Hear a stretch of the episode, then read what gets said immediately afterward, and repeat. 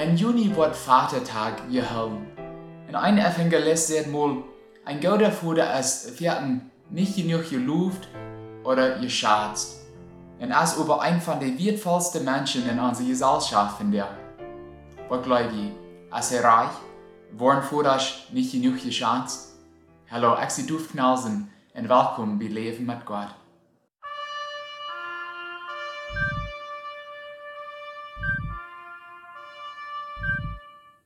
Meistens haben Mütter ein besseres Verhältnis zu den Kindern als was Väter haben, weil sie durchschnittlich mehr mit den Kindern taub sind. Viele Väter schaffen ut, sind vierten nicht tüß, und wenn sie endlich tüß sind, dann sind sie sehr müde. Väter würden eher als Mütter sein und denken, dass sie nicht gute Eltern wären. Besonders, weil sie nicht genug Zeit mit den Kindern verbringen dann. Aber gute Väter wurden nicht genug geschätzt und gelobt. Paulus sagt in Epheser 6, Vers 1 bis 3, Kinder, jene Christenpflicht ist, jene Eltern zu gehorchen, es dort erst dort reichte zu tun. Vater und Mutter ihren, wie dort erste gebaut, worauf Gott dort versprechen lädt, dort die, dort äh, Gott geht, und die lang ab ihr Leben kannst. Jesus sagt, was ähnliche dann auch in Markus Kapitel 7, Vers 10, er zitiert Moses und sagt, Du sollst deinen Vater und deine Mutter ehren. Also hier Paulus und Jesus beide zitieren dort gesagt, dort Kinder Gottes allen ihren Samen. Na, wenn wir an das Wort ihren denken, dann, was meint das für Herz? Wir denken vielleicht an respektieren. Kinder sollen ihre Eltern respektieren. Oder vielleicht sogar gehorchen. Oder tun sein. Und wir weiten, das sind gute Dinge. Kinder sollen ihre, ihre Eltern respektieren, gehorchen und tun sein. Und über das originale Wort, was hier aus ihren übersagt wird, meint schätzen oder wird achten.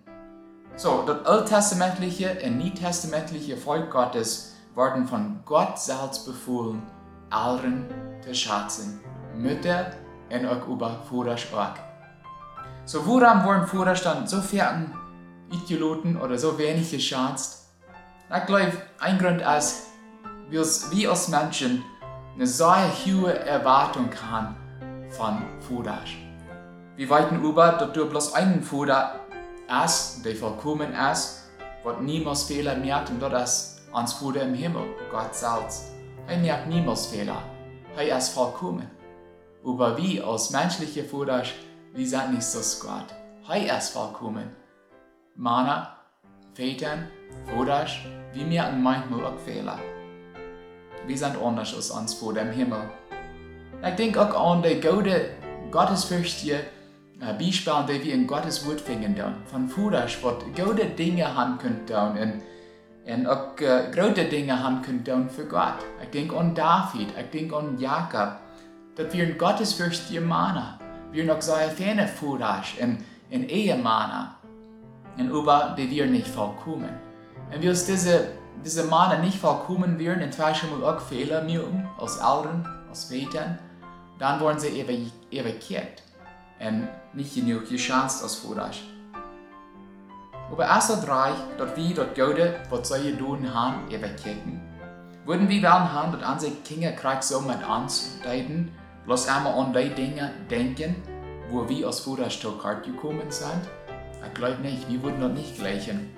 Mein Wunsch und Gebet ist, dass wir würden lernen, unser Vorrecht mehr zu schätzen und auch womöglich andere zu sein, dass wir an Schätzen tun und auch live haben.